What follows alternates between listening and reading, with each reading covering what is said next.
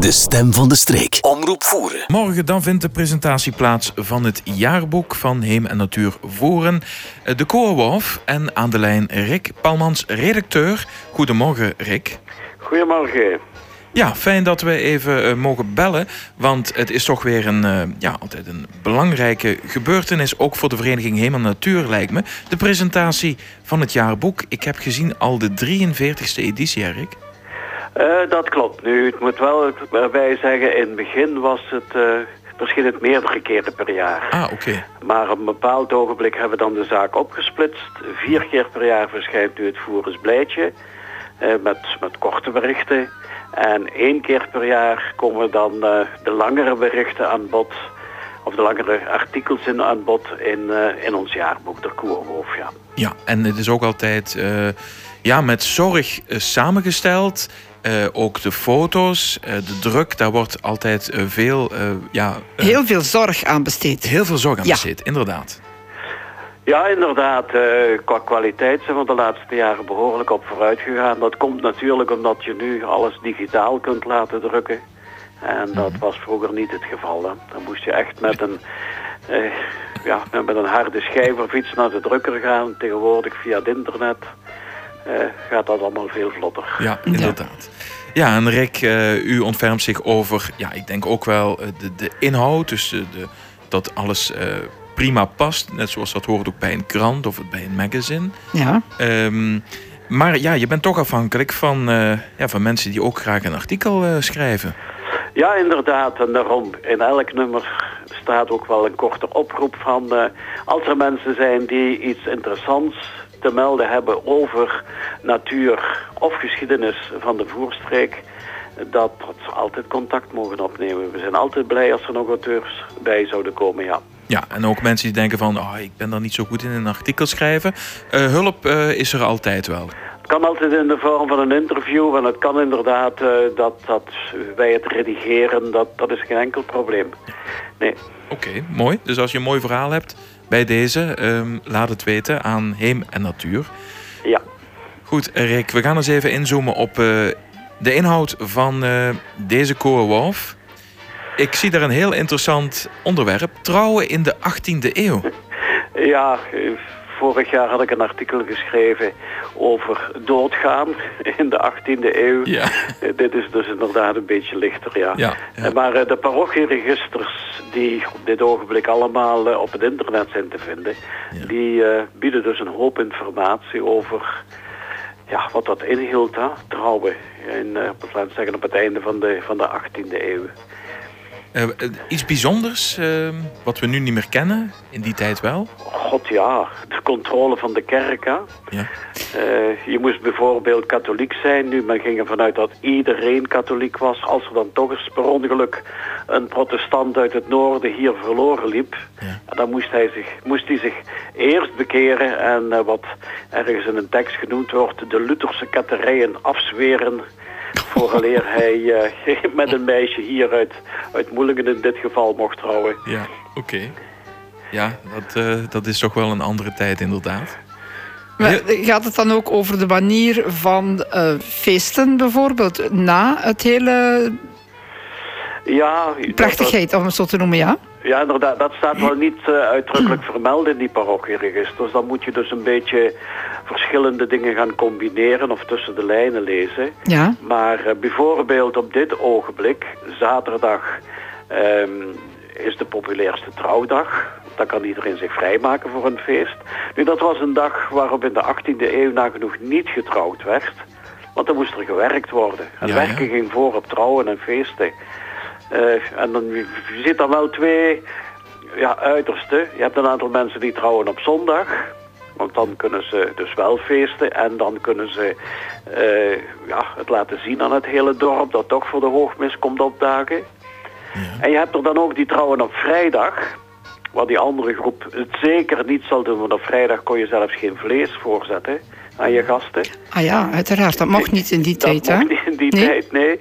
Maar dat zijn dan waarschijnlijk de mensen die zo goedkoop mogelijk wilden trouwen, hè? zonder feest. Ja. ja, ja. Met alleen de, de koster als getuige of zo.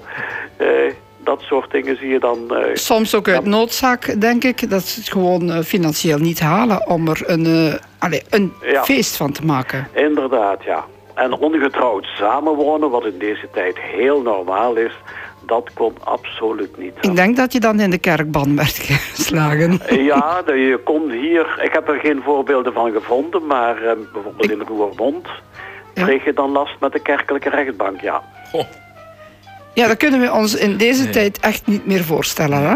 Nee, inderdaad. Dus eh maar er is het, heel wat veranderd. Volgens lijkt- mij ten goede. ja, ja, precies. Maar het lijkt me ook niet makkelijk om toch, eh, laat ik zeggen, feitelijk zo'n artikel te kunnen schrijven. Eh, die parochieregisters zijn toch wel een belangrijke bron van informatie, hè? Ja, inderdaad. Eh, en daarom dat het zo mooi is dat die op dit ogenblik vrij beschikbaar zijn. Nu, er heeft wel wat werk in gekropen, maar goed. Ik ben Ja. gepensioneerd en eh, Ja. ik doe het graag. Ja, ja, precies. Het geeft ook voldoening. En het is heel interessant. Ehm, ja, dan eh, gaan we nog iets verder terug in de tijd. In de tijd van ja, Alva. We kennen hem allemaal wel. Eh, Dat was eh, niet een... De Spaanse requi- ehm, allee, Ja, de Spaanse Inquisitie. inquisitie. Ik wou Ja, zeggen requisitie, maar dat is iets anders. Dat is toneel. ja. Nee, dus ehm, dat is een groep ja, voerenaars, mag je zeggen, die eigenlijk weggeschreven zijn uit de geschiedenis. Eh, dat er protestanten waren, laten we zeggen, in het noorden en eh, in Antwerpen en zo, oké, dat weet iedereen. Maar dat er ook in Voeren toch wel een kleine protestantse gemeente moet geweest zijn, die volledig verdwenen is, Oh. eh, dat is minder gekend. hè. ja, ja, En- precies. Huub Smeets heeft daar inderdaad eh, ook ja, voor een stuk via onrechtstreekse bronnen ook wel de verslagen van rechtbanken. eh, omdat de goederen van die protestanten eh, door de rechtbank in beslag konden genomen worden, heeft hij dus ontdekt dat er inderdaad toch wel een, eh, een groepje protestanten ook in Voeren geweest is. Werden die mensen dan terechtgesteld? Eh, soms wel, dat hing er vanaf wat ze uitspookten. Maar eh, ja, daar staat een verhaal in van, van iemand die inderdaad toch wel ook, eh, ook militair actief was en zo voor de protestanten.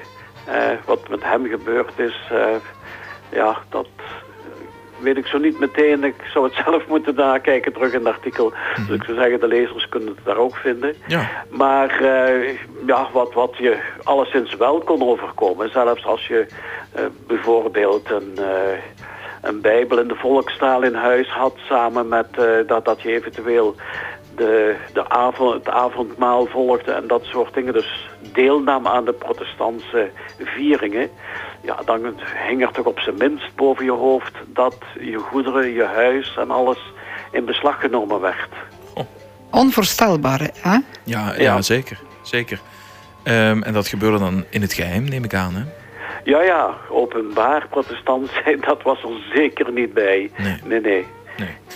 Oké, heel boeiend. Als we nog even kijken naar natuur, eh, want het is heem en natuur, dan Ja. zie ik ook dat, eh, ja, dat Rick zich heeft ontfermd over eh, een heel boeiend onderwerp, namelijk orchideeën. Ja, dat, eh, om te beginnen, dat is al één probleem wat we hebben met, eh, met de koewenwolf. Eh, de nadruk ligt een beetje te veel op de geschiedenis. Ja. Ja.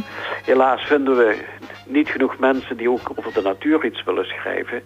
Maar gelukkig hebben eh, begin dit jaar, eigenlijk was het een artikel van, of was het langer geschreven, eh, twee Nederlandse eh, onderzoekers eh, overzicht gemaakt van welke orchideeën er, zowel in het verleden als nu, te vinden waren of zijn in de voerstreek. En dat is toch wel een indrukwekkend lijstje. En ik heb die twee mannen dus geïnterviewd en eigenlijk ja, is wat in het artikel in de Koorwolf staat, een, een verkorte weergave van het artikel dat zij geschreven hadden voor het Natuurhistorisch Maandblad. Want eh, zijn er bijzondere orchideeën die hier eh, bloeien in onze streek? Ja, ja zeker. Ja, en die Eh, nergens anders eh, te vinden zijn. Nee, nee, dat niet. Dat niet. Nee, wat wel leuk is bijvoorbeeld, ehm, dat voeren op een taalgrens ligt, ja, dat weet iedereen. Ja, Maar eh, dat er ook een paar interessante ecologische grenzen door de voerstreek lopen, dat is minder bekend. Ja. Bijvoorbeeld ehm, de hellingen van de Voervallei en van de Gulpvallei, die zijn naar het zuiden gekeerd, de steile hellingen. En daardoor zijn die eigenlijk een stuk warmer dan je op deze breedtegraad hier zou verwachten. En dat maakt dat planten die je bijvoorbeeld in, in Noord-Frankrijk en in de rest van uh, verder naar het zuiden overal vindt, dat die hier op hun noordergrens zitten. Oh. Die ga je, laat zeggen, ten noorden van Maastricht nooit meer vinden. Maar hier vind je die nog net wel. Eentje daarvan is bijvoorbeeld de purperorchis.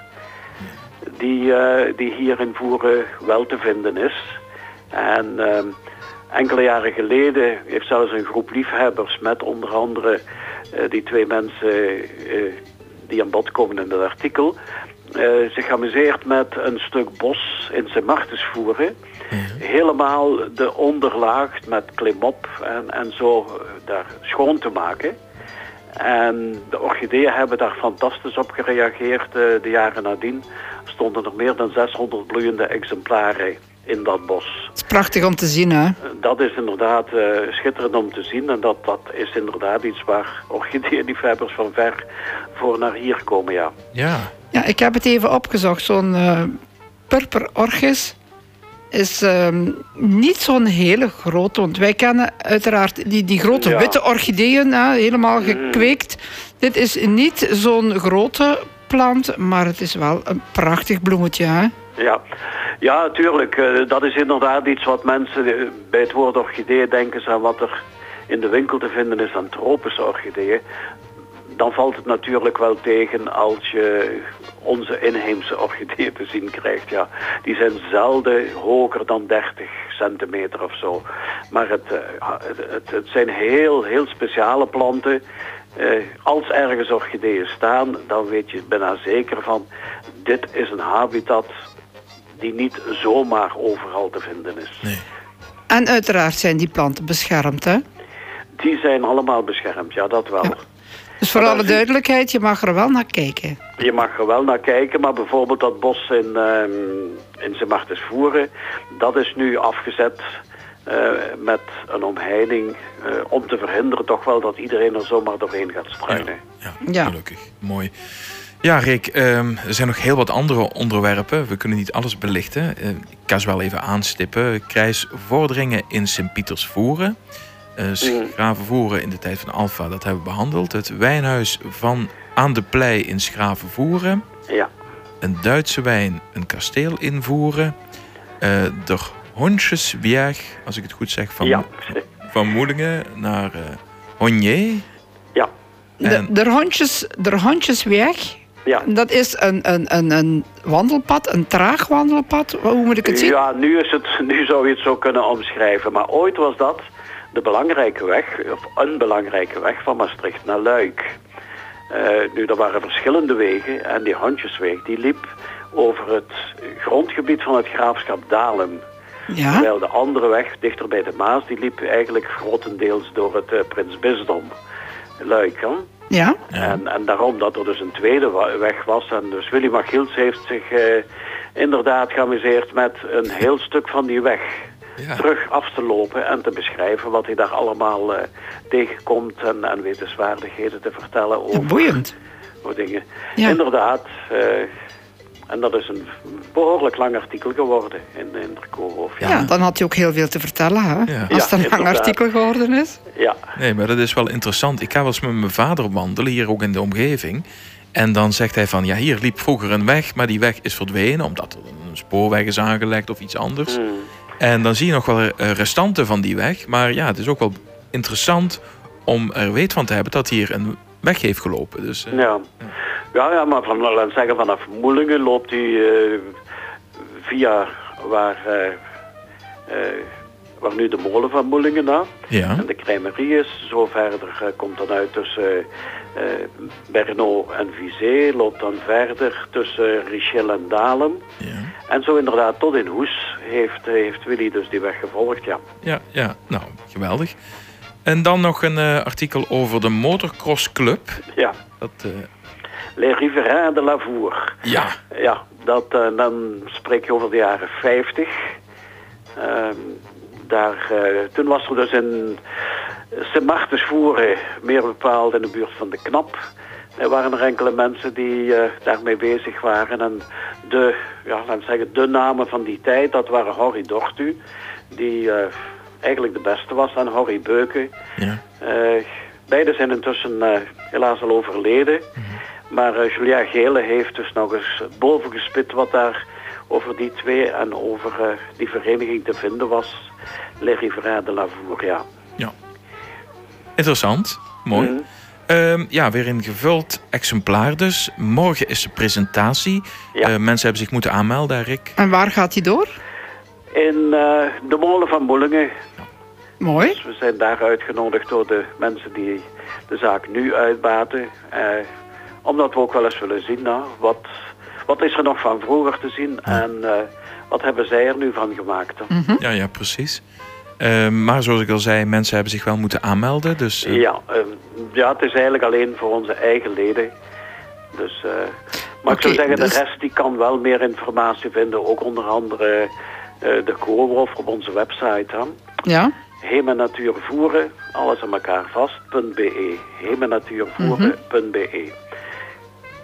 Goed, duidelijk verhaal. Uh, en zo'n koolwolf, kan ik die nog bestellen of ben ik dan te laat? Um, dat zou ik zelf niet meteen weten. Dat is oh. je buis die zich daarmee bezighoudt. Dat ja, moet je eens aan hem vragen. Ik, ik, ik, ben wel lid hoor ik. Dus ik ja, ja, jij krijgt het, dat weet ik. Precies, maar, maar een algemene vraag. Nee, oké. Okay. Uh, ik weet niet of er veel extra besteld zijn, want uiteindelijk is het toch wel een... Uh, een behoorlijke uitgave telkens ook voor, uh, voor onze vereniging. En dus uh, proberen er niet te veel van te maken, zodanig dat ze niet ergens op een zolder ja. moeten, moeten blijven liggen. Ja. ja. Nee, prima. Hartelijk dank weer voor deze mooie toelichting. Uh, Graag gedaan. Ja, uh, succes in de toekomst. Dus ook, bij deze ook een oproep uh, voor mensen die interessante verhalen hebben, ja. maar misschien minder goed met de pen overweg kunnen. Dus laat het even weten aan Rick of een ander lid, bestuurslid van Hemen Natuur. Ehm, en ja, goed, succes met, met, met de nieuwe edities ook van Voerens Blijtje. En veel plezier ook morgen. Ja, dankjewel. Goed, bedankt. Dag. Dag. Dag. De stem van de streek. Omroep Voeren.